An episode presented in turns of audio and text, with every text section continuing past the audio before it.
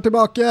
Yes, yes, folkens. Det er klar for en ny episode av Podkast om rus. Jeg er deres solbrune vert Bøffert Fusk. Jeg er deres likbleike sidekick, Per Ståle Honning. Rock'n'roll, buddy. Ja, det, er- altså, det er sånn, jeg er jo ikke stolt av hudfargen min, men kroppen min eh, protesterer jo tydeligvis mot å bli brun òg, så Mm. da er jeg litt Da er jeg litt, fa- faller litt mellom to stoler der. Krig med sola.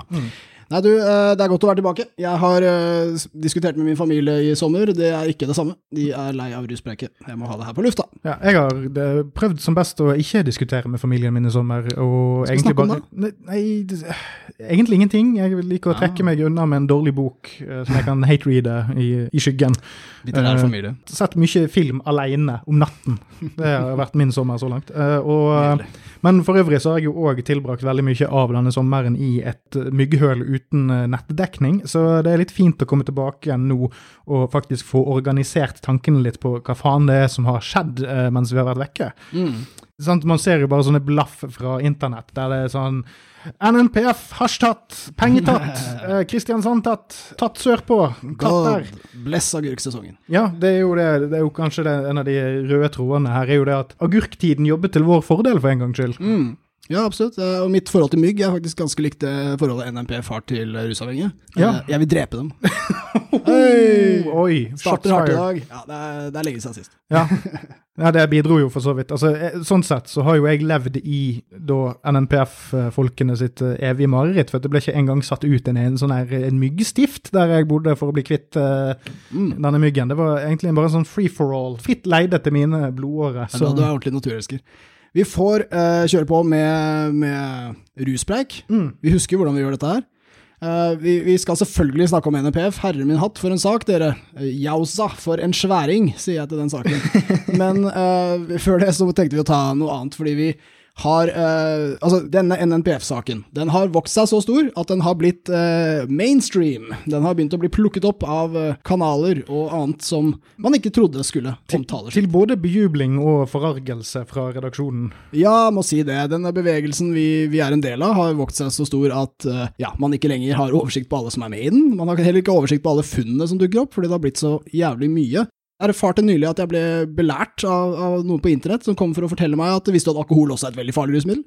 Uh, dette er nytt for meg, men eh, jeg må jo si det er blanda opplevelse. Kommer du her og skal belære Ibsen om ripsbuske, gutten min? Skal lære faren din å pule? Ja vel, det er greit. Det er lov å Skal prøve. du lære faren din å pynte juletre? Og noen andre som har prøvd å, å mm, lære fedre å pule, det er uh, våre Nemesisters Mm. i uh, podkasten Tuss Week og Tønna. Ja. Sigrid Agronom Vik og Ja. Lisa Bukseseletønne.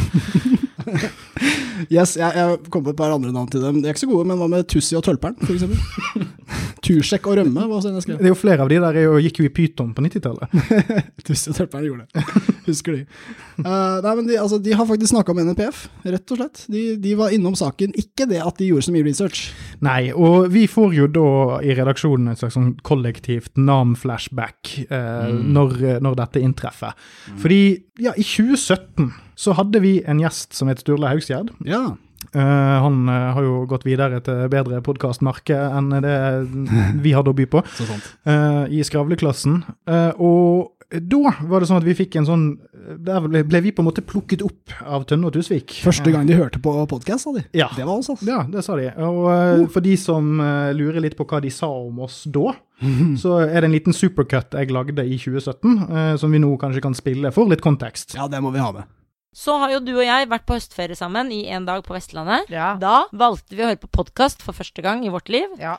fordi vi hørte om uh, podkast om rus, Ja. som er en podkast som eh, to veldig rusa mennesker lager. Som Ja, de er jo ikke rusa nå, kanskje. Iri, Irri Rattatap. Det høres ut som Thomas Stamnes har på en måte lagd podkasten, og det eh, skal vi rose alle hasjrøykere for. At dere er gode uansett hva dere ruser med, uansett om det er weed, marijuana, så er dere gode på å høres eh, gamle eh, narkiser ut. Ja, irri, irri, ratata. Men det var veldig kul spesiale. Det er en sånn egen stemme. Ja, men det som provoserer meg med Sturle Haugskjær Irri, så irri, rattata. er jo det maset om at retten til å ruse seg av og til, fordi der er jo jeg rasist. Han sier jo det 'jeg liker ikke uttrykk som rusfri'. Irri, irri, rattata. Da tenker jeg sånn ok, men nå må vi ikke være vanskelige, nå kverrer du. Narkomanens meg, meg, meg, meg, jeg, jeg, jeg, egofokus. Du blir altså irritert på alle rusavhengige. Er- Eller rasshøla, som vi kaller dem.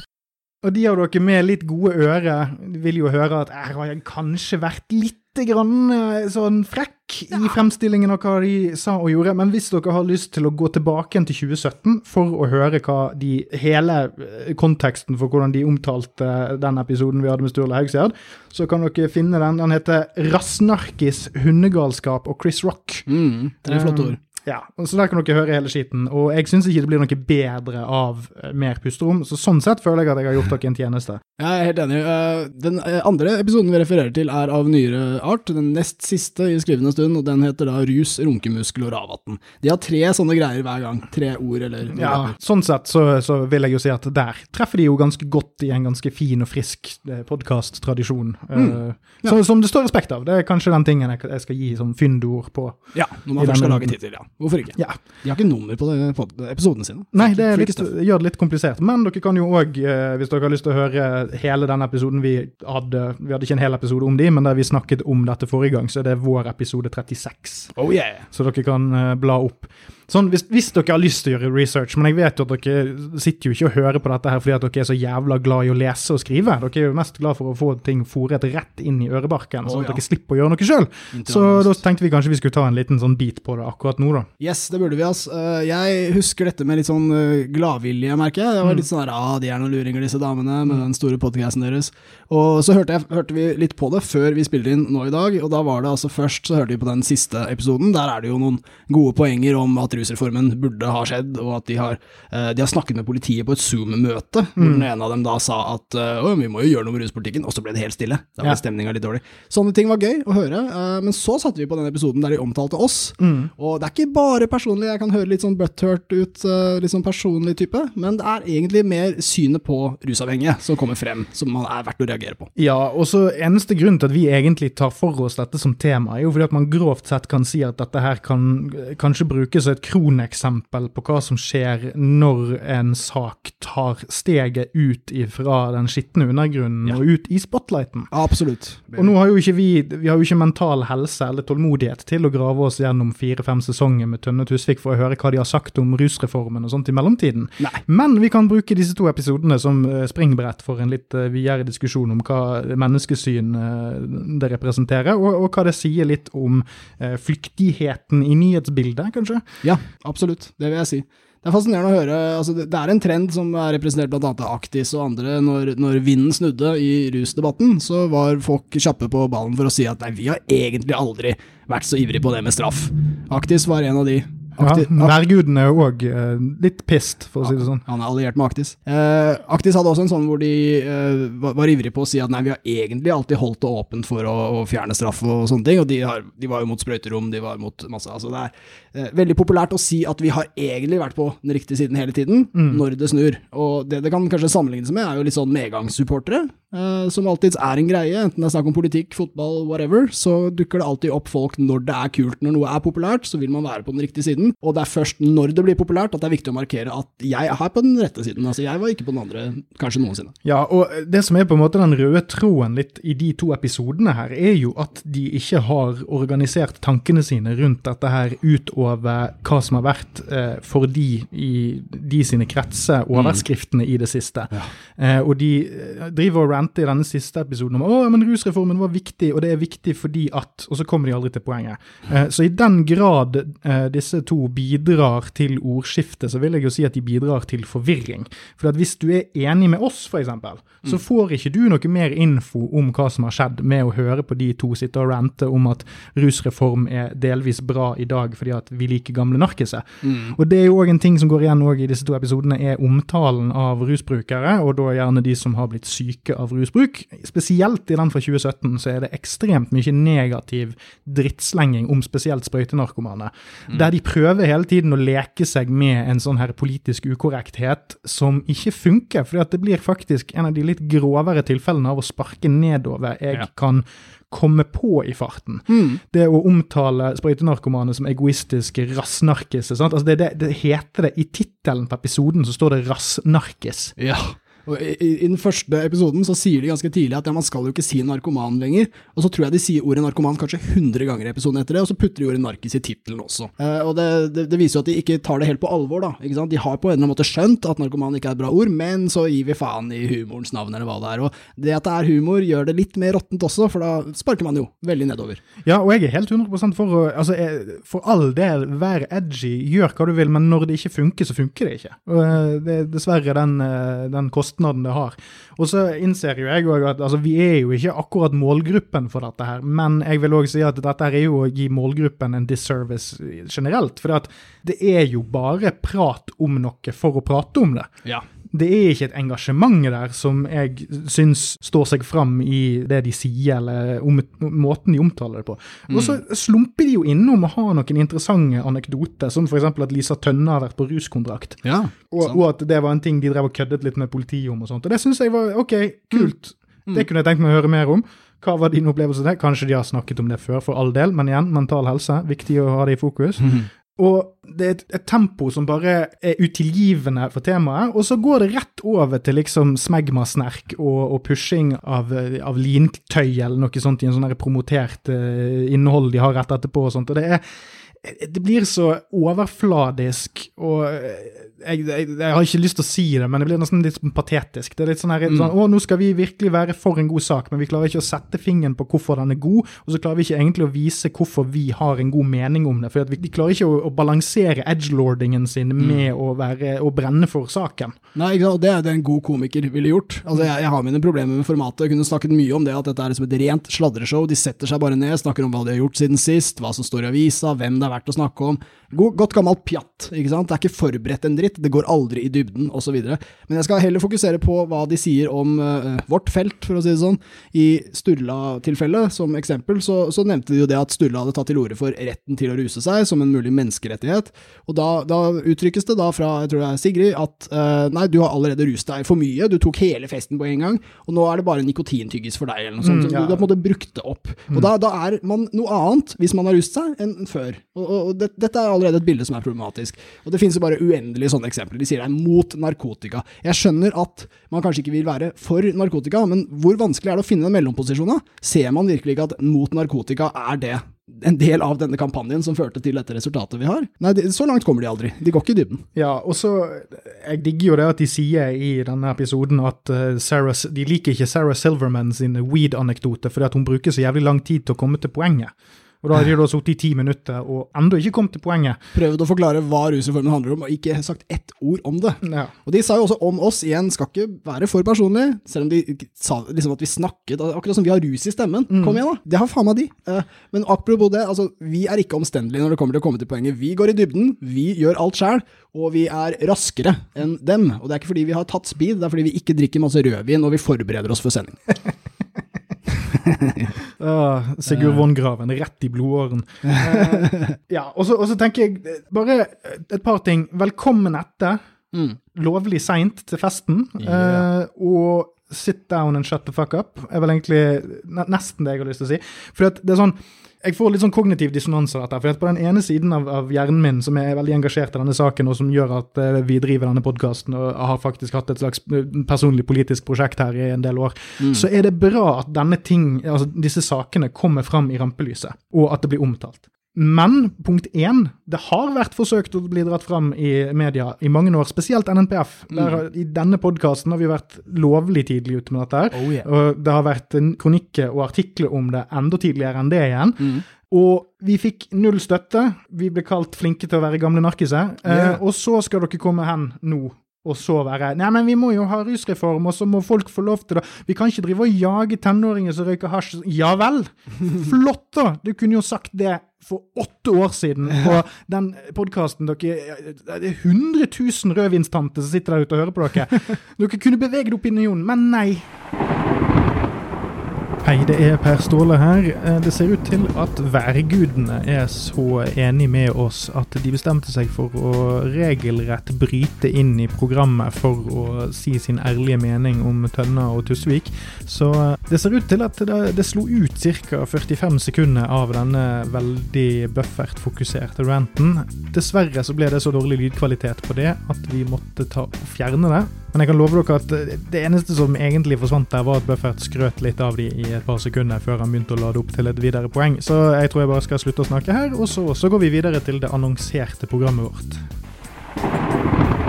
Uh, på, på mi, uh, det mest flatterende vis. Altså Den første var verst, men dette er fra den siste. Der snakker en av dem, uh, sliter med å skille stemmene, beklager, eh, at hun har møtt en eller annen gammel venn fra, fra skoledagene, som er en sliten narkoman Unnskyld, nå skjedde det igjen. Rusavhengig. Det, det ordet er litt sånn halvveis på vei ut, folkens. Men da var det altså Den ene programlederen ville da ikke stoppe å snakke med den gamle, slitne rusavhengige. Ville ikke ta praten om gamle dager med sånne folk. Det er så ubehagelig når de er rusa. Og så Han ville liksom ikke stoppe opp der og gå sammen med barna sine og ha på en eller annen måte uttrykt det etterpå hvorfor de ikke valgte å stoppe med akkurat dette mennesket. Og Allerede der så kommer det problematiske holdninger veldig klart frem. De hadde også omtale om narkomane, en, en vits som var altså selvskutte dyr. Det er jo eh, et slags flåsete ordspill der, gøy. Men narkoman ble også gjentatt mange ganger som en slags joke. Eh, Og, og bare det å si hele tida 'jeg er jo mot narkotika', og jeg liker ikke at folk ruser seg. og det, det er omtalt som om det er kun selvpåført. altså Som det er ren egoisme som alltid fører til at folk blir rusavhengige. Og når de slår i bordet og sier 'du kan jo ikke ønske det samme som før, det er jo det vi har gjort, det har jo ikke fungert', vel, de holdningene de utviser er jo de samme. Det er det som ikke har fungert, å tenke sånn om mennesker. Mellomposisjonen som de representerer, er stort sett posisjonen til noen som ikke engang har giddet å gjøre ett Google-søk før sending. Og akkurat den anekdoten du trekker frem, det der med at hun møtte denne gamle vennen som fremdeles var syk rusbruker, Ja. så er det sånn Det kunne vært en interessant mellommenneskelig story. Mm. Men formatet tillater ikke at de utforsker øh, noe som helst genuine følelser oppi det der. Mm. Uh, I hvert fall ikke til denne saken her, som de ikke har eh, nok eierskap til emosjonelt sett i utgangspunktet. Mm. Uh, og de blir jo sikkert nervøse av å være inderlige, og akkurat sånn som alle andre er. Og jeg eh, har lagd nok podkaster på internett til å vite at det er litt komplisert. Mm. Men for fuck's sake, det er, det, det er så platt. Og Mm. det er liksom mitt hjertesukk oppi dette her, er at nå kommer den biten av eierskap til saken inn igjen. Nå er denne saken ute i eteren. Nå er det mange mennesker som skal komme etter og være, være medgangssupportere når uh, sant? Altså, det er Hvor var dere i fjor og i forfjor? Det er lov å ta feil, Mm. men du burde ikke uh, slippe unna med å late som at du har vært på rett side hele tiden. Nei, enig, ass. Og det, det hadde en liten metafor om det òg, at det er, det er litt sånn å heie på et fotballag i ti år, og så går det ikke så jævlig bra, og så møter du opp alle, alle kampene, kanskje til og med bortekampene, sitter der i regnet som en av få supportere, og så plutselig så går det bra med klubben, og dere ligger an til å vinne seriegull, og da begynner det å bli flere og flere folk på tribunen, og plutselig så møter du noen du gikk på skole med fra gamle dager, og de har på seg skjerf, og de er gira, nå vinner vi, sier de. Og du, du blir glad for å se dem der. Det er flott at de kom, men en bitterhet er der. En liten Det er ikke nå dere skulle vært her, dere skulle vært her før. Vi tenkte dere så mye. Det hadde vært så lett hvis ikke alle kom på en gang. Og det er en, en bitter bismak, og vi burde holde oss for gode. Vi burde ikke være smålige og si fuck dere, men lite grann. La i hvert fall ha den uh, forståelsen av hvordan man blir sett på hvis man møter opp på kampen først når seriegullet er i boks med skjerf. Da må du, du kan gjerne være med på festen, men skjønn at folk vil se litt stygt på deg blant de som var der hele tiden. Og at eh, du burde legge igjen tanken om at det handler om deg. Ja, og, og jeg vil gjerne si til uh, Tursekk og Rømme, uh, et lite tips hvis de hører på, det er at eh, når man omtaler viktige og, og vanskelige temaer, som rus f.eks., så, så, om man fjaser om det og vil gjerne ha en sånn artig liten preik, så ender man opp ved å snakke om kun de sosiale sidene. og Det er det de har gjort når man f.eks. sier at man ikke har lyst til å stoppe med en gammel, sliten klassekamerat. Men man er alltid del av et samfunn, og de henviser til en norm, og det er det de gjør når de er overfladiske. Da sier de dere vet hvordan det er når man går forbi en sliten fyr. Du vet hvordan man ikke har lyst til å stoppe, ikke sant? Da henviser det til en usunn norm. En norm som gjør at rusavhengige blir støtt ut og ensomme i samfunnet. Å henvise til den som om det var viktig, det er å ta den posisjonen de har, som kulturelle, jeg vil ikke si ikoner, men posisjonert er det i hvert fall, og si ja, dere alle lytterne, 100 000 lyttere, dere vet hvordan det er når dere, ser, når dere får en ekkel følelse av å møte en person som er rusavhengig. Det skal ikke være en ekkel følelse. Slutt å late som dette er vanlig. Vi prøver faktisk å snu disse holdningene, så vær så snill å ta det på alvor, da, hvis dere skal ha rus i tittelen på episoden deres. Dette er vårt felt. Takk til Buffert, og takk til uh, Bønna Buskvik. Tussert og tønnert. Ja, takk til Tussert og Tømmer. Uh, ja, vi går videre. Vi har mer. Altså, vi skal selvfølgelig snakke om NPF, men uh, det må vi nesten ta til slutt, for hvem veit hva vi rekker? Vi kan liksom ikke snakke om det i, i fem episoder heller, så vi må ta litt NPF etter hvert i de kommende episodene også. Bare som en liten sånn preamble til det, da, så kan man jo si det at grovt sett så er dette her den samme saken vi alltid har snakket om på dette showet. Ja. Så den mengden materiale som nå foreligger ute på spesielt Twitter, det er mye, ikke inkriminerende, så i hvert fall veldig avslørende, og kanskje korrupsjon. Mm. Juridisk sett, kanskje. Hvem vet? Det har vært litt uh, forskjellige folk som har sagt litt forskjellige ting om det. Uh, men det er grovt sett den samme saken. Så det å gå gjennom hver, hvert enkelt funn er ikke noe som nødvendigvis er spesielt matnyttig for dette formatet her. Men vi kan godt ta Det kommer til å dukke opp, og det kommer til å være en stor del av episodene. Men vi, vi når ikke gjennom alt. og vi, sant? Det viktigste er liksom de, de bre, det, det, er brei pensel vi maler med her. Ja. Det, det store bildet. Og vi må nesten bare ha det perspektivet om at vi mista mye av dette fra før. Så vi kan ikke late som dette er en stor sensasjon. Det som er sensasjonen, er at oppmerksomheten endelig er på Ja, plass. og, og, og kjempebra. Sant? Det er veldig ja, ja, ja. viktig nå å understreke at det høres ut som vi er litt sånn her eh, Litt sånn hoverende og snørrhovne og sånn Vi mister noe mye. det er hyggelig å se medgangssupporterne. Takk Ja, for at dere kom. Ja, og, og det kan godt hende at vi er litt der, men, men det er kanskje litt velfortjent for en gangs skyld. Eh, At uh, vi kan, vi kan koste på oss å være litt køddende der. Absolutt. og Lite det- grann. Men det blir det vi avslutter med i dag, for før det så tenkte vi å ta et annet tema som vi har vært eh, vel så mye innom. Altså NMPF har vi snakka om i årevis, men det siste året har det vært et tema som har gått mye igjen, og det er rusreformen. Alle veit jo hvordan det gikk, men det som har vært interessant i ettertid, er jo alt det har medført. Altså dette fokuset på NMPF har også blus- blusset veldig opp eh, som eh, eh, følge av at rusreformen ikke ble vedtatt i Stortinget. Men norske domstoler har også endret sin praksis i narkotikasaker, med henvisning til at synet på dette har endret seg i samfunnet. Og det er til tross for at Stortinget er feige, så har altså domstolene rom til å si at den tiden er forbi, når det kommer til f.eks. å tenke at straff alltid vil være det rette for alle. Og der er det jo litt interessante ting med hvordan domstolene bare tar opp i seg summen av ordskiftet, og Mm. bruker det som en del av sin begrunnelse. Ja. Det er jo òg veldig interessant. Det er sånne ting som man ikke, i hvert fall ikke jeg tenker på når det kommer til juss og sånt, at det er faktisk en mulighet i noen av instansene våre. Mm. At, at konseptet Altså det, det veldig ulne og veldig uvitenskapelige og nesten ujuridiske konseptet den allmenne opinion skal ha noe å spille inn på en domsavsigelse. Ja. Som, som egentlig er ganske weird å tenke over. Men kult når man innser at ei, vi har faktisk et ganske kult juridisk system her, når det funker til vår fordel.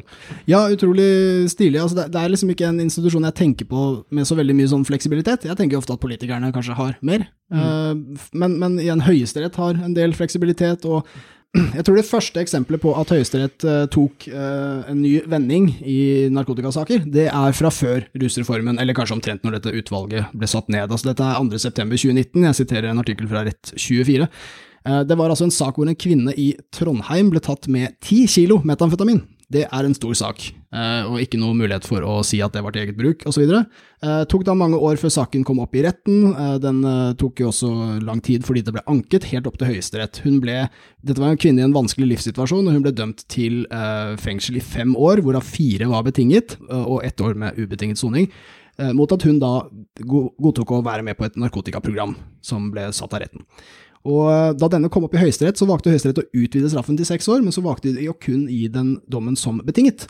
Det betyr at denne kvinnen eh, har en hengende dom over seg, men er ellers fri. Slipper soning så lenge hun er med på programmet, og det er snakk om ti kilo metamfetamin.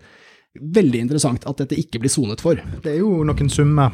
Ja, det er, det er noe, noe penger å tjene der. Og, og dette er uh, Igjen så, så henviser Høyesterett til at uh, straff vil ikke hjelpe her, og dette er en kvinne som i løpet av tiden uh, det tok å få saken opp og behandlet i rettsvesenet, har endret livet sitt og fått det på rett kjøl. Så det å gi henne straff nå vil ha en veldig negativ effekt på hennes liv, og derfor valgte de å gjøre straffen rent betinget. Og det er jo egentlig ganske interessant, for det var det klartekst at denne kvinnen hadde et rusproblem i utgangspunktet. Ja. Ja, det, det var det.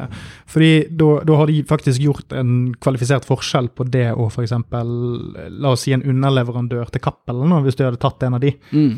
En fyr som gjør dette som en fast gig. Ja, business. Eh, og, og som ikke har egentlig et rusproblem eller noe sånt, så de kan slå fast med i retten. Mm. Ja. Men dette var et engangstilfelle for én person. Kanskje noe eh, rusgjeld eh, oppi det. ja, det fremstår slik. Og det var visst mange formildende omstendigheter. Der har du på en måte den ideelle forskjellen som Ja. eh, Senterpartiet og Arbeiderpartiet ikke er interessert i å Mm. arbeide med. nå. Godt poeng. Det hun egentlig er tatt for i utgangspunktet, er jo ikke noe som er et rusproblem. sant? Altså, det er ikke, hun er ikke tatt for besittelse til eget bruk, eller det, det er ikke noe sånt. Hun er tatt for Oi, dette skal du selge. Ja. Men retten har tatt det med i beregningen at dette her skyldes et større sakskompleks Mm. som ikke nødvendigvis dekkes inn av Ja, altså, altså fra gammelt av så ville ikke dette holdt, men nå pga. skiftende omstendigheter i ordskiftet, holdt jeg på å si, det offentlige ordskiftet, Mm. så endrer de strafferammen for det. Eller Ja. straffeutmålingen, blir det. Absolutt, og det, det, det, det er en veldig stilig utvikling. Altså, det er jo fortsatt forbudt, ikke sant? Altså, det er først når det, det kommer opp i retten at uh, vi, vi ser endringene skje. Lovverket er det samme som før, politikerne er uh, feige kyllinger, som vi vet. Men uh, i den ene artikkelen jeg også ser på her, 29. april 2021 i Rett24, så står det at for andre gang på to uker har Oslo tingrett gitt betinget dom for narkotikabesittelse, som normalt ville gitt ubetinget fengsel. De har da henvist til den verserende debatten om avkriminalisering. You're welcome, tiltalte. uh, Men det er eh, det jeg også vil ta med her, er en annen uh, sak. Altså, flere av disse ble liksom profilert i uh, avisene, med god grunn. Det var også en sak fra Telemark tingrett, hvor det var en dom mot en 15 år gammel jente som var tiltalt for bruk og besittelse av hasj og piller. Politiet mente hun burde få 4000 kroner i bot, der var det ikke snakk om fengsel. Retten var uenig, og pekte på at det ville ført til en negativ utvikling på hennes liv. Og igjen, her er det straff. Uh, vitenskapen om straff, den har tydeligvis rettsvesenet fått med seg. Det er jo tross alt noe de burde få med seg. Og så har de sagt, eh, sett på det tiltalte og på en måte valgt at de ønsker tiltalte vel, fremfor at de ønsker tiltalte eh, smerte, lidelse og alt dette som straff er intendert å påføre.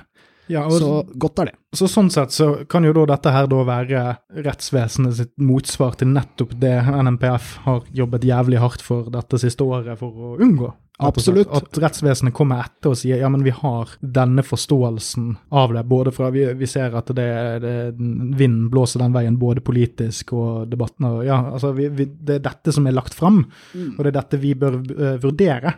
Selv om eh, Senterpartiet og Arbeiderpartiet ligger og maser om straff og sånn, så er de jo fremdeles det de, det de, På grunn av at de har låst seg fast i argumentasjonen sin, Mm. så ender de jo òg opp med å si vi skal jo ikke ødelegge livene til folk. Vi skal jo Mm. hjelpe de. Og Mm. det, hvis rettsvesenet plukker opp det, så ei, vi skal hjelpe. Mm. Sant? Og jeg regner jo med at Høyesterett har tilgang på en del rettsdokumenter som kanskje kan vise til utvikling over tid basert på ulike straffeutmålelser og alt mulig rart. Ja. Du kan sikkert skrive noen ganske kule doktorgradsavhandlinger om det, og det har du sikkert blitt gjort òg. Eh, men da er det kult å se at det der skjer, for jeg trodde faktisk ikke at vi hadde et såpass levende eh, juridisk miljø eh, Ja. på så høyt plan i Norge. Det er et veldig godt poeng du har der. fordi altså, det, det er jo mange, Krigen pågår, men mange viktige slag må jo ha vært vunnet for at det her skal kunne skje. og Det du påpeker der, altså, som Senterpartiet, de jeg ville sagt lyver om straffens effekt, Mm. eh, men, men de uttrykker jo også en intensjon som er samlet i hele samfunnet nå. At vi, disse folka burde få hjelp og ikke straff. altså Helst hjelp, da, hvis vi Mm. sier det sånn. Før var det helst straff, nå er det helst hjelp.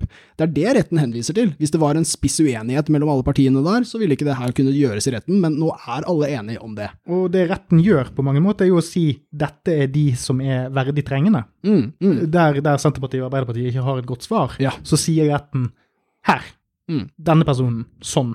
Ja. Her, vi, her kan vi spore negativ utvikling. Ja. Så spørsmålet er hvor langt ned i på en måte rovdyrkjeden kan du kjøre det argumentet? Ja. Sånn, Kan du kjøre det helt ned til eh, bot for bruk og besittelse? Mm, ja, kanskje du Kan du, kan du kjøre den, sant? basert på sånn. dette juridiske grunnlaget? Du kunne jo da teknisk sett, Nå kan ikke jeg en dritt om juss, men sånn ideelt sett at det burde funke, så nå har du sedvane på dette.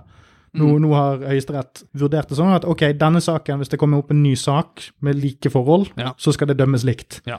med straffeutmåling. Mm. Ok, da er det om å gjøre å få nye saker med nye eh, variasjoner Mm. opp på det trinnet i rettsvesenet. Ja. Så vil du hypotetisk sett klare å få en slags baklengs avkriminalisering Mm. om ikke avkriminalisering, så i hvert fall en, en ekstrem nedskalering av, uh, av de juridiske konsekvensene av, av både rusmisbruk og rusbruk. Mm. Og jeg, jeg, jeg tolker det sånn at uh, når, lovverket ikke er bra nok til å skille mellom hvem som fortjener straff og ikke altså Hvis Cappelen hadde masse rusproblemer og smugla all denne hasjen bare i ett parti fordi han hadde gjeldproblemer pga. Mm. rusproblemer, så ville han, burde han, få mindre straff. Og det er det rettsvesenet her vurderer. Siden lovverket ikke åpner for disse forskjellene, så kan uh, uh, i hvert fall retten vurdere det basert på f.eks. samfunnets syn på den allmenne rettsfølelse, da, som det gjerne heter. Eh, Men jeg vil også henvise til en strålende leder i Dagens Næringsliv, som het Sex, drugs og høyesterett. Det er noe jeg kanskje burde hatt datoen for når det var også. Det har jeg ikke. Kudos til Dagens Næringsliv for å catche opp på 1960-tallets uh, lingo. Ja, det, dritfett. Og jeg må si, altså, det, det, dette er en, eh, skal vi si, en formell type avis, mange redaksjoner er jo det, men midt inni teksten her så dukker det opp setningen 'Det er ikke nytt at Sp og Ap er nervøse rævdiltere i kampen mot det nye'. Det syns jeg er Det må være en bergenser som har skrevet det. Ja, du sier noe. Det er Rævdilter er jo sånne, som, sånne små gutter som går og dilter etter buekorpsene. Er det- Ja. uh, men det, det jeg ville ta fram her, altså jeg anbefaler lederen i høyeste grad, den handler stort sett om at uh, politikere i Norge kan være veldig feige i slike spørsmål, men det er særlig én parallell som er så innmari god. Det er nemlig at på slutten av 60-tallet så var uh, Danmark og Sverige de første landene i verden til å legalisere pornografi. Yay! Heia de landene. Eh, kjent som kåte land i hele verden etter det, sikkert derfor. Ja, i hvert fall Danmark. Jeg tror danskene kanskje er verdens kåteste land. De er veldig kåte. Uh, men, men jeg tror også, s- i USA så er det sånn Swedish, da er du både liksom blond, pen og veldig glad i sex. Mm. Ja, så, så er det en sånn fin blanding av fascisme og kåtskap. Ja, det er det, i deres øyne. Eh, Men eh, det som skjedde på 60-tallet, når de legaliserte pornografi, så fulgte resten av Europa ganske sakte etter. Men tror du Norge gjorde det? Nei, selvfølgelig ikke. Skateboardforbudlandet Norge eh, tok sin tid. Vi rakk jo å få inn skateboardforbudet mellom eh, dette, for dette var- varte faktisk fra 60-tallet helt ut til 2000-tallet. Jeg tror det var en episode om Mot i brøstet, der Nils drev med skateboard. Jævla skurk. Nei, det var jo kanskje lovlig da han begynte. 94? 95? Ja, jeg tror det var blitt legalisert. Men eh, det, det, igjen, altså Norge henger etter er det sentrale poenget her. Og det som skjedde med pornografi, var at Stortinget drøftet saken i gjentatte debatter, men kom hver gang til at det beste var å beholde forbudet. Kanskje til og med skjerpe det ytterligere. Selv om porno var til salgs overalt, pornohandlerne betalte toll og moms, politiet ga opp å håndheve forbudet, og forskningsrapportene sa at det er ikke skadevirkninger fra porno, slik som det har blitt hevdet. Kristelig Folkeparti sto imot. Ap, og dette er en parallell vi setter pris på, Ap-representantene gjemte seg bak pultene sine, skriver Dagens Næringsliv, trolig i frykt for en taus pietistisk opinion der ute. Sitat slutt. Ja, men der, der er de inne på noe. Det ser vi i russaken, og vi ser det i pornosaken, og jeg tror vi kan se det i ganske mange andre sånne tradisjonelle liberaliseringsprosjekter. Det- Bare uten at jeg eier det ordet så jævlig.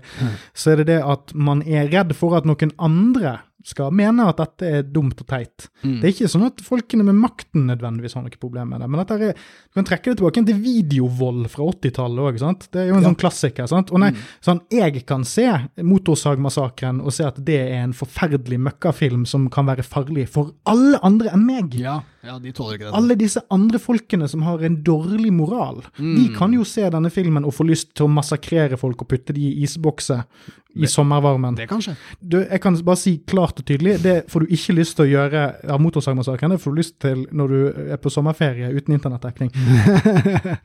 Da kommer disse tankene. Nei, men Det er veldig bra poeng. Altså, det, det handler jo om et, eh, et sosialt skille. Man tenker at eh, for noen folk, hvem enn de er, så vil det her være veldig skadelig. Jeg tålte det, de vil ikke. Så en viss grad av elitisme er det der også. Men eh, parallellen med Ap til porno her er jo, er jo fascinerende. Altså, det, som, det som var så tragisk, er at det tok jo over 50 år før porno ble lov i Norge. Da er det jo pornoredaktør Hagen som bare begynner å selge porno i butikken sin, eller hva det nå var. Ja. Og, Det var lov usensurert, det var jo òg en sånn kamp. ja, ja, ja. Han, han solgte noe dirty VHS-er eller hva det var. ja. Og det, det han, han gjorde det for å bli arrestert, og når han da ble det, så blei det jo ingenting av saken, for lovverket var jo helt sovende. Nå skal jeg fortelle det riktig, jeg mener at det kom opp til Høyesterett, som da bare, bare forkastet hele lovverket. Hadde vært flott om det skjedde med narkosaken. Men tilbake til Ap-parallellen. Altså, det tok 50 år, altså det var fra 60-tallet det ble diskutert, og 2005 så ble porno lov. Altså, Ap var da feige overfor sin egen opinion, og jeg mener at det også har skjedd i forbindelse med rusreformen. Dette partiet er for stort. De har en velgermasse som er konservativ. Jeg tror de ofte overvurderes eh, i forhold til hvor konservative og stor den gruppen er. Men det fører til at den trygge løsningen politisk blir ofte prioritert. Da blir Ap et treigt parti for de som har lyst til å play it safe.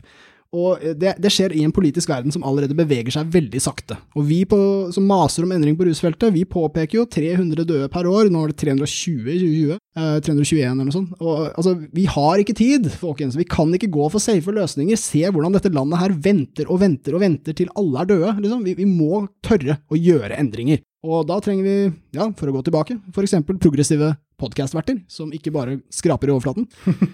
uh, men jeg, jeg, håper jo virkelig at uh, vi ikke får en uh, en omkamp av pornoepisoden i norsk politikk. Samtidig tror jeg det er helt uaktuelt. Jeg tror ikke porno på noe vis hadde den oppslutningen som rusdebatten har hatt de siste årene. Så mer populær sak. Bruksmessig tror jeg kanskje den har hatt høyere oppslutning. ja. Altså sånn Hvis du ja, tenker det... på prosentandel av befolkningen som har hatt befatning eller besittelse av Pornobrukere er det flere av, ja. faktisk. Utrolig nok. Både før, uh, før og nå. Definitivt. Store mørketall! Veldig skjult støtte til pornolegalisering. Det er mange stive tennissokker der ute. Sokker du kan skjære deg på. oh, sokker som kan forveksles med skolebolle. ah, yes. Nei, men Da har vi i hvert fall oppsummert litt av det som har skjedd mens vi har vært på en etterlengtet ferie. Uh, men det som har skjedd mest, er jo NMPF-saken. Herre min hatt, ja. som har rulla av gårde. Og jeg har jo vært i eksil. Ja. Mer eller mindre selvpålagt. Og selv der ropte de NMPF. Ja, ja, det var jo det som var så gøy, var jo at jeg måtte jo stå på tå ute på en fjellknaus i, i medvind for å få et blaff av 4G-dekning. Mm. Eh, og da, da, rullet det inn saker fra eh, toneangivende medier og eh, med innspill fra politikere, og det var en, en gravesak i Fevennen av alle jævla ting som mm. slo an tonen litt. og det Altså, Alle detaljene står jo ikke så veldig klart for meg, men det er, det er jo gledelig at dette har blitt en sånn what the fuck-sak. Mm, mm. Men så ser man jo at det har jo vært en ganske sånn sakterullende stein, og som jeg sa innledningsvis, jeg tror agurktiden har vært til hjelp her. Og jeg håper at denne saken her ikke druknes av at uh, valgkampen kicker i gang nå. Nei, du, du sier noe der. Uh, nå, nå, blir det jo disse granskningene, så det blir sikkert uh, ved et eller annet punkt så vil nok den debatten kjøles litt ned, og så blusse opp igjen mot høsten. Ja, for nå skal det komme en uavhengig granskning. Ja, det stemmer. Vi har også en granskning fra Riksadvokaten om politiets bruk av tvangsmidler. Den er mm. ikke relatert til NPF-saken, men overlapper grundig likevel. Eh, det som har skjedd nå, er jo at Politidirektoratet har eh, sendt saken over til Justisdepartementet, som skal utføre en såkalt uavhengig granskning, som vi da håper blir uavhengig. Og det skal de ha begynt med allerede. Det, det er noe som skjer umiddelbart når den sendes over. Og den skal være klar til høsten. Eh, vi som har fulgt saken, kan jo ikke forvente annet enn at det blir avslørt veldig sterke bånd mellom politiet og NMPF. Eh, og så får vi se konsekvensen av det. Jeg håper det ikke bare blir til at de sier ja, se her, det var ille, nå gjør vi noen endringer internt, og så ferdig. Folk har fått sparken for så jævlig mye mindre. Ja. Her må noen hoder rulle, altså. Ja, og vi har jo nevnt før at det som er faren her, er jo at den norske forståelsen av korrupsjon er for snill. Ja, vi vil jo ikke bruke ordet i det hele tatt. vi tør jo ikke. Eh, det har vært ett kult innspill på Twitter, blant annet. For ja. det, vi følger jo uh, Jon Christian Elden mm. og uh, Hans Martinussen og mm. flere andre toneangivende stemmer i denne saken akkurat nå. Elden har jo kastet seg på nesten litt sånn i etterpåklokskapens lys, på en litt kul måte. Det skal han ha. Absolutt. Uh, men så har jo en fyr som heter Eivind ett, altså krøllalfa Eivind 1984 ja. på Twitter. Mm og, og, han er jurist, men ja. ikke navngitt jurist, liksom. Men han hadde en ganske god tråd på Twitter om uh, disse korrupsjonsanklagene mot NMPF, og hvorfor han mente at det ikke var uh, nødvendigvis i forhold til lovverket en korrekt påstand. Okay. Uh, og jeg setter jævlig pris på de motstemmene der. Ja. Som kom, kommer inn og egentlig ikke er prinsipielt imot egentlig russaken, men som kommer inn som en litt sånn edruelig stemme og ja. sier sånn Hallo, her burde vi kanskje, når dere kommer med disse krasse påstandene, mm. så har vi disse motargumentene. Ja. Og det syns jeg vi skal ta vare på. Enig, det har høy eh, verdi. Og, og ta litt til, til motmæle når det først tar litt av på våre sider. Jeg har jo Senest i, nå for innspillingen, så jeg kranglet jo litt med han i går om, om litt sånn det store bildet. Ja. Uh, men jeg setter uansett, uansett om jeg mener om han tok feil i den saken eller ikke, som vi diskuterte der, uh, så syns jeg det er bra å være en motpol der. Og så syns jeg òg det er bra, fordi det er noen som begynner å bli litt vel oppesende spesielt i sosiale medier. Og det kan bli en Nå, nå begynner faktisk denne, denne bevegelsen, om du skal kalle det, Ja. å, å nærme seg et sånt kokepunkt at man står i fare for å begynne å kvele helt redelige motstemmer. Ja, Og det, nå snakker jeg om motstemmer som egentlig ikke er saksmessige motstemmer, men, men som bare er OK, hva snakker vi om, folkens? Kan vi få et felles grunnlag for hva det er vi prøver å snakke om her? er dere enige om dette eller ikke? Og da må, da må man vokte seg litt og bare sånn Ei, ei, ei, ikke kall folk snitches og uh, bootlickers og sånne ting. Ta, chill han litt ut. Ja, jeg vet. Eh, alle, alle misliker betegnelsen ekkokammer, men det, det er en snikende prosess som kommer litt sånn fort. Og det som skjer, er at grånyansene forsvinner. Det blir bare svart-hvitt. Og det, vi må huske at noen stemmer er faktisk bare nøytrale. Og mm. gode jurister er et godt eksempel på det. De er bare iskalde regelryttere. De sitter bare og formaliserer absolutt alt, og er på en måte ingen meningsbærende personer. Ja, ideelt sett, i hvert fall. Ja, ideelt sett. Og noen er sånn, og da kan ikke du bare bestemme deg for at de er imot alt du står for. Og det, det kan alltid skje når du er del av en gjeng, så føler man seg litt vel berettiget. Det, det er noe som er pga. sosial dynamikk, og det er ikke noe personlig med det, så folk på vår side de må bare tåle at det påpekes. Det er noen ganger lett å la seg rive med. Ja, og så har vi jo da eh, litt ufin, kanskje, nå når vi først er inne på Twitter. Litt ufin, kanskje, og Jonas Ali Ghanizade. Yes, korrekt. Håper jeg sier det riktig, Jonas. Jeg har, vi har prøvd et par ganger nå. Du får komme med korreks. Eh, men eh, de er jo de som har stått fram i hvert fall som de største graverne i denne saken. Og så har det nå meldt seg på en eh, god gjeng med det jeg liker å kalle dosere, som, som driver og søker om innsyn i ting. Og de har greid å avdekke ganske mye info om pengeflyt og Ja. hvem som selger kunnskap. Og han Jonas hadde vel noen fine greier med hvordan domeneoppsettet til NMPF altså De hadde en sånn helt mm. sinnssyk budsjett på bare og det å opprette en nettside Ja. som du kunne sant? Det var sånn flere hundre tusen kroner Mm. for å gjøre noe som jeg så flere angivelige webdesignere si det der gjør du på en dag. Du Ja, tar ja. ikke en årslønn for å sette opp det der. standard Wordpress-oppsett. Ja, ja. Og at det er mistenkelig. Eh, og så har det vært dette med salg av tjenester gjennom denne Bry deg-kampanjen, som er avsluttet, men som er en veldig sånn her smoking gun for hvordan NMPF har opp, oppført seg. Hvem som har tjent penger på hva. Hvor mange enkeltmannsforetak er det du finner blant disse NMPF-medlemmene som òg har vært ledende polititjenestemenn? Så var det òg en innsynsbegjæring. Jeg så det var, han hadde vel tatt kontakt med Tønsberg kommune. Og så henviser de til nei, her må du ta kontakt med politiet Sør-Øst ved Norsk Narkotikapoliti. Ja. Som da er igjen en smoking gun på at se her, kommunene vet ikke hvem de har snakket med. De vet Ja. ikke om de har snakket med politiet, eller om de har snakket med NMPF. Eller de vet kanskje ikke forskjellen. Absolutt. Dette er de tingene som må avdekkes, og om du kaller det juridisk sett korrupsjon, så er det en fuckings uting, i hvert fall. Ja, til så til de grader. Og jeg, jeg, jeg kan bare ikke skryte nok av altså Det er flere enn litt ufin, kanskje, og Jonas Ali som bør nevnes, selvsagt. Men det har blitt en gjeng, og de står frem som sentrale. De, alle disse folka fortjener masse, masse skryt. Det er, særlig dette med å gå gjennom økonomien er en omstendelig jobb, og det er masse små detaljer som bør vektlegges eller ikke, og det er vanskelig å, å gjøre. Det er, det er en betydelig oppgave. Eh, Jeg må si, altså For min del, som har vært eh, på denne saken lenge, skrev om disse plakatene for eksempel, som ble omtalt i Federlandsvennen og Kristiansand. Den plakatkampanjen skrev jeg om i 2013. Det hadde jo vært supert om noen hadde hørt på det da, siden kampanjen varte til 2015. Vi kunne på en måte tatt den på fersken. Eh, Nå skal ikke jeg klage på at bobla sprakk seks år etter. Det blir i hvert fall fokus, det blir granskning, det blir noe av det. Så jeg er veldig glad for det. Men for meg, hvis jeg kan være personlig, så må jeg si at dette er på en måte det som skjer når flere smarte og flinke folk kommer til. Jeg har selv ikke bedt om noe innsyn, jeg har selv ikke gått gjennom noe som uh, hatt de samme ideene som disse menneskene har hatt, og det, det har ført til en enorm samling av data som er kjempenyttig. Og nå har NPF også rømt skuta, de har quitta på Twitter, de går på Facebook og redigerer absolutt alt der. Vi har eh, sentrale politirepresentanter fra NPF slash politiet i uniform som har kvitta Twitter, de også. NPF nekter å uttale seg til media før granskningen foreligger. Det betyr at de kommer ikke til å si noe før til høsten. De har putta propp i munnen hele gjengen. De er under sterkt press, og det er takket være disse avslørerne. Og så har vi statsadvokat Geir Evanger, som mer eller mindre har innrømt på riksdekkende radio at ja, han blander kortene i sin rolle som NMPF-nestleder og eh, statsadvoka eh, statsadvokat. Yep. Han sa vel beint ut at nei, det er mye av det samme i begge de Ja. eh, greiene der, så det det er ikke noe konflikt, fordi at jeg gjør akkurat det samme på begge fronter. Ja. Og da er det jo så lett å si at hvis jeg var tiltalt foran han, så håper jeg virkelig det ikke var en narkosak. Det jeg Ja. var tiltalt for. Ja, og så vil jeg jo igjen trekke fram de der jævla røde bukseselene hans, så får han til å se ut som han er leder for en avart av en, eh, en eh, vikingtro Ja, gruppe som eh, døde en stille død for eh, ti år siden. Så jeg syns du hadde et godt poeng der, at vi, jeg er en av de med lite hår, vi, Mm. vi bør faktisk styre litt unna bukseseler. At Ja. Det er et plagg som liksom, vi mistet med håret på et vis. Litt Ja. sånn trist, men sant. ja, og, og røde. Spesifikt røde. Oi, oi, oi. Ja, det er liksom sånn samme med Doc Martens og eh, litt andre ting som du bare Nei, det, det går du ikke med. Ja. Og det burde, jo, det- det burde jo noen som har litt fartstid i politiet, ha fått med seg òg, da. De som Mm. er så glad for å skryte på seg at de knuste nettopp de miljøene der. Ja. Ja, jeg må jo bare si at det, det tristeste av alt med dette er jo at eh, skinhead, som er verdens mest naturlige sveis med en gang håret begynner å vokse rart, det er blitt kuppet av radikale grupper. En skinhead er en grusom, eh, voldelig person, liksom. Ja, mm. Herregud, hva med alle de andre med barbert hode? For et jævla kupp de hadde der. Snakk om at homoene stjal regnbuen, de stjal barbert hode.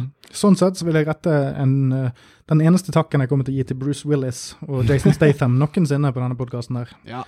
Redaksjonen er hårsekkmessig utfordret, Mm. og det er noe vi kommer til å muligens noen ganger la påvirke synen vi har på ulike ting i, eh, i dagsaktuell debatt. Og da, må vi nesten være ærlige på det. Det stemmer, og ting vi fortjener å få medisinsk som følge av det, det er en lang liste. Eh, men ja, nei, altså, hvor, skal vi nesten gå videre med denne NNPF-saken? Altså, vi kan anbefale Jonas Ali som hadde en tråd i dag som handler om eh, økonomien til NNPF. Igjen, det er, spørsmålet der blir rett og slett hvor frivillig det er, ikke sant? For en ting er jo at kommuner, partier og andre de har ikke visst om det er politiet de snakker med, de har trolig antatt at det var politiet, så kan det ha vært en interesseorganisasjon likevel.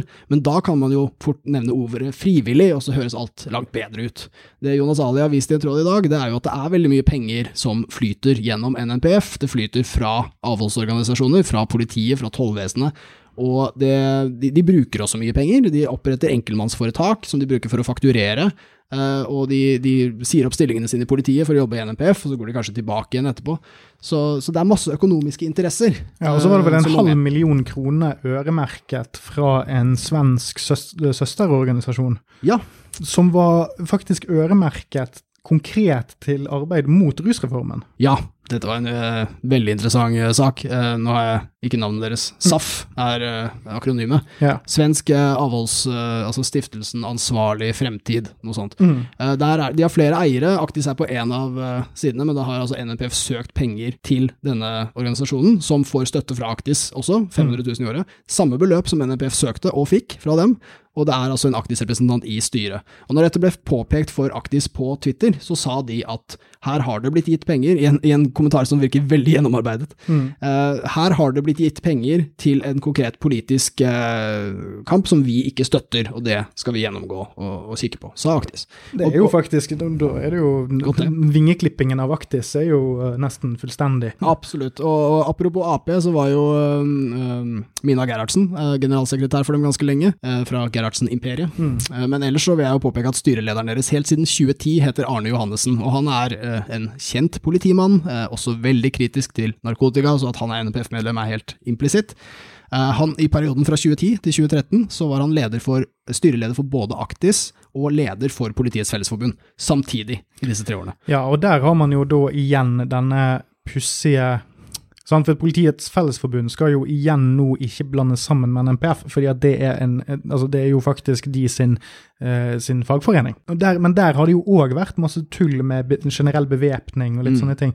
Men at dette samrøret her, Mm. er det samrøret det kalles? Ja. det, Det er det, ass. en, det er en god røre, i hvert fall. Ja, Eh, det, det gjør altså bare det at det er vanskelig å, å si at en gitt veldig profilert person er nøytral. Bare det at det er vanskelig, er et stort problem. Ja. Helt uavhengig av det juridiske. Og det, eh, hodet burde rulle om ikke i den forstand at folk dømmes, for jeg vet ikke om jussen dekker det, Mm. men at det finnes en god gruppe med mennesker som ikke burde ha de maktposisjonene de har. Mm. Det er ganske åpenbart. Helt enig, og, og for, å, for å peke mer på disse maktstrukturene også, så er det Hvis det var slik at Arne Johannessen var styreleder for NNPF og leder for Politiets Fellesforbund samtidig, så ville det vært veldig tydelig klandreverdig. En, en åpenbar rolleblanding. Så sånn sett blir det på en eller annen måte bedre at han var for Aktis, for de er en paraplyorganisasjon som rett og slett har eh, overstyrende ansvar for andre organisasjoner.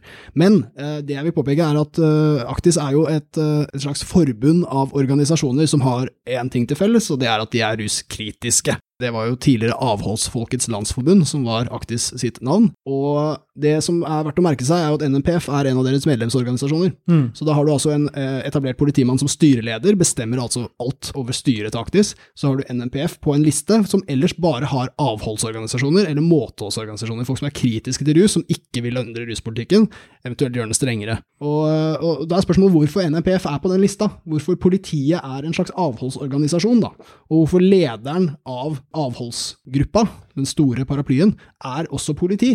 Altså, dette er jo noe vi må, må gå dypere i. Jeg skulle ønske granskningen så på mer, eh, for her er det fullt overlapp mellom politi og andre interesser på rusfeltet. Ja, for å bare oppsummere litt, da. Det er jo litt som å ha en rogue state innenfor statens ramme, Ja, holdt jeg på å si. Altså det- Ja, at, at man har Altså, folk har jo vært redde for eh, frimurere og jøder og Mm. utlendinger og alt mulig. Altså, at, altså, tradisjonelt sett så har jo denne frykten nettopp kommet fra at man er redd for at det skal komme fremmede makter inn i ditt land og ta Mm. over makten sakte, men sikkert usett. Det er Det er jo der denne fremmedfrykten kommer fra, denne xenofobien, denne jødehatet. Men det, det som historien har vist oss gang på gang på gang, er jo at det er jo ikke det som skjer. Det er jo bare det at de lager sine egne klubber og eh, holder på for seg sjøl. Ja. Men her har vi faktisk ganske mange piler som peker på at hei, her har vi en sånn syste på systemet. Mm. Som, som driver og, og suger midler og, og næring ut fra andre deler, og ser ut til å, å utøve en ganske stor usynlig makt Ja. som ikke blir holdt i tøylene av noen, egentlig. Og det er jo det som er hovedfokuset her. Det er jo det som burde være det vi er ute etter. Det er jo hva er det dette sier for rettssikkerheten til folk? Mm. Hva er det det sier for eh, sant? Altså Når de driver og har lobby opp mot store eh, Stortingspartiet i et valgår altså det er jo, Hadde dette skjedd i, en, i et annet land, hadde vi fått dette påvist i USA. At det var en, en, en pro-våpenlobby som drev og ga penger til et av de store partiene for å vinne en valgkamp, f.eks. For, eksempel, for å fortsette å kunne kjøpe så mye våpen de ville. Så ville jo vi sagt at det er jo et demokratisk problem, Ja. hypotetisk sett. Hypotetisk. Uh, nettopp. Ja, helt, helt klart, jeg skal ta det poenget litt videre også. Altså, vi, vi i Podcast om rus kommer selvfølgelig til å fortsette å følge denne saken, men uh, man kan jo spørre seg om hvordan dette kunne pågå så lenge. Mange redaksjoner har gått i seg selv, annet Dagbladet og trolig Federlandsvennen. De fikk i hvert fall masse kritikk. Og, og når, det, når det kommer til det, så tror jeg vi skal tenke på akkurat det du nevnte. Altså, vi har en organisasjon i politiet som har jobbet mot narkotika, og de har fått altfor store friheter. Hvordan det kunne skje? Svaret er dessverre litt enkelt og skuffende. Det er fordi at vi har hatet narkotika felles som et samfunn. Det har vært et veldig stort onde, og vi har hatt veldig stor tillit til politiet samtidig, og derfor har de i kombinasjon kunnet gjøre egentlig akkurat hva faen de ville. Men vi, hvis vi hadde sett på dette som i orden, hva ville neste steg blitt? Hva hvis vi fikk f.eks. Norsk eh, anti-islamforening, eh, politiforening? Hvor går grensen for hvilke saker de skal ha en forening for som dette? Det, dette er veien til, til en politistat, eh, hvis det får løpe løpsk. Eh, Det har de jo ikke gjort, det har holdt seg nede i skyggene, men hvordan det kunne pågå så lenge? Svaret er dessverre at vi lot det skje. Vi lot dem herje. Ja, og en siste metafor. Nå er det jo mange år siden jeg studerte medisin. Men eh, det er jo er det noe som kalles autoimmunsyndrom. Ja, det Er ikke, er ikke det når, når de hvite blodlegemene begynner å angripe friske celler? Er ikke det noe Jo, det høres ut. Det hø høres ut som noe som Hvis det ikke finnes, så burde det finnes en sykdom som heter det. Jeg husker pensumet, jeg mener det. Ja, eh, men uansett, det er jo faktisk litt det vi ser nå. Det er jo Ja. de hvite blodlegemene Mm. som skal være kroppens politi. Det lærte jeg på eh, Kroppen vår på NRK da jeg var liten. Bra serie. Veldig bra. Og de angriper friske celler. Det er dårlig for kroppen, det er dårlig for staten. Mm. Det er dårlig for eh, Ja, det er usunt. Uh, vi trenger friske antistoffer. Absolutt. Og kanskje er det det som skjedde, at eh, svulsten vokste seg for stor, og så kom hele angrepet samtidig. Boblen sprakk 2021. Og vi følger saken videre. Det kommer til å bli nok å snakke om. Vi har et fantastisk luksusproblem i vår podkast med at vi nå bare må velge hva vi skal ta. Herlige tider. Og avslutningsmessig så får vi jo bare pushe vår Patrion.